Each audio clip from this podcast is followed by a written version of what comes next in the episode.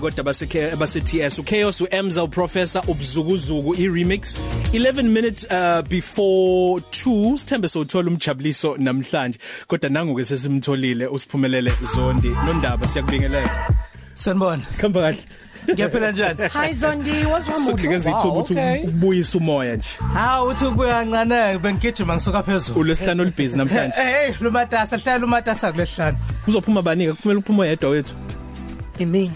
Live radio phela sikwazi siyayibambisa bye bye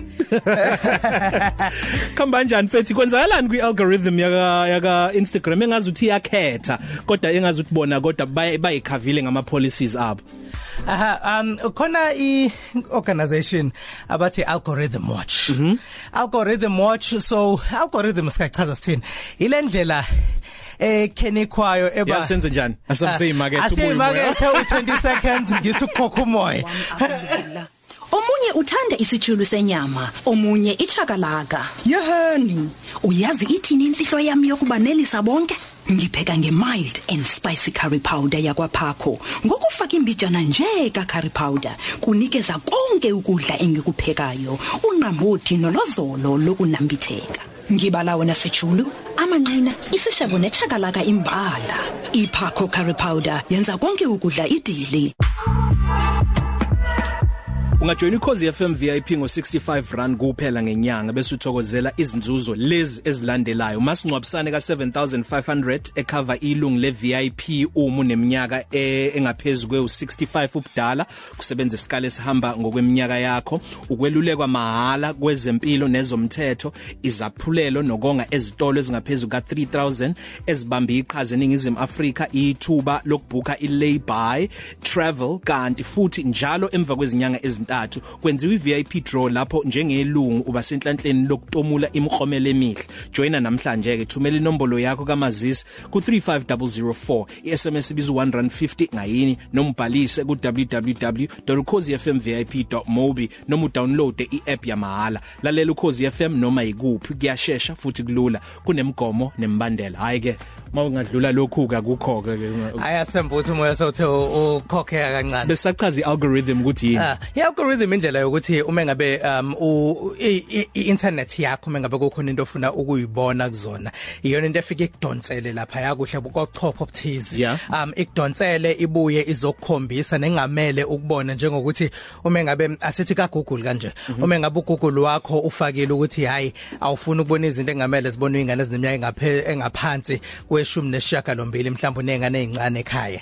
Um bukudonsele lokho ekumele ukubone buk- bukhiphe lokho engamele kubonakale. Kusho ukuthi ke eyaka Instagram yipi ile oyithola mawuya ku search uma ngabe uya ku search noma um uma ngabe kukhona izinto ofuna ukuyibona nokuthi ke mhlawumbe angithi ikhasi lakho lelikutshengise izinto ezithize Yeah. um abaye bathi ngabantu balandelayo u- enakho ekumele ku- u- ukubone Yeah. naba abantu ongabalandela ngenxa yabantu balandelayo okay ngiyabona. So kwenzakaleni ke ngale ngale nkampani ebhekayo ke ama algorithms batholeni ku Instagram I-algorithm watch ike yakhalaza yathi ungathi i- i- u-Instagram um unokukhombisa abantu kakhulukazi abantu aba abaveze umzimba kancane. Siyazi ukuthi awukwazi ukuba nqunu kahle hle ngoba khona izinto abayikhipha. Kodwa bathi ungathi i-priority sakuyo kuzona lezi eziveza ubunqunu obuthize. Okay. ukuthi ubone ukuthi bakhangise ngalabo Oh, bantu baheha kuqala ngabo. bahehe ngabo ukuthi abantu babone labo bantu kuqala. Baye bakhalaza ke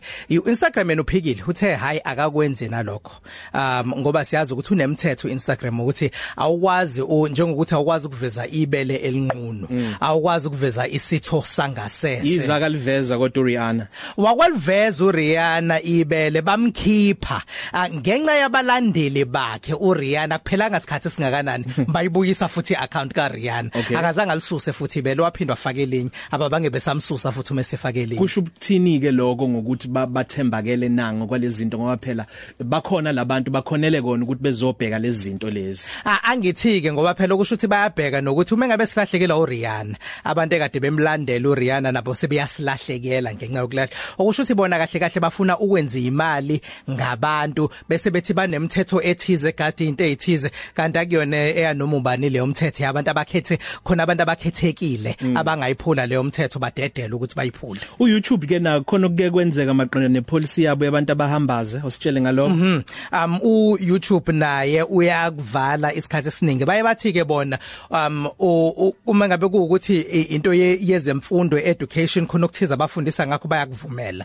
Um uma ngabe kuyinto yamasiko abebengayivumi yamasiko kwaba um, uh, iqembu elithize laseSwatini elalkhala ngomkhosi omhlanga ukuthi uYouTube bewunokukhipha ama video omkhosi womhlanga. Base beyakhalaza ke lelo qembu elithize lase um, laseSwatini iYouTube yathi kulungile uma ngabe kuyizinto zamasiko sizozivumela. Kodwa kumele ucacise nawe kwivideo ukuthi um labantu abaveza amabele baveza amabele ngoba into yamasiko. Ngokubuka kwakho vele kwezobuchwepheshe ibu- ibuphi ubuze obwamukelekile kwi social media obungeke mhlambe baba nemthelele emibi kakhulukazi ebantwaneni nobungadala abazali abathi izingane njoba zisebenza ngeinternet pho ke thina singazivimba kuphi sidedele kangakanani? Eh, Ngiye ngithi lapha abazali kumele bazigade izingane ukuthi yini ezibhekayo kwi-internet kodwa ke kulokhu okushoyo ngiye ngithi um obuningi balobuchwepheshe um nendlela abayisebenzisayo zokukhetha lezi zinto akuzona ezethu ab- abakhiwanga yithina.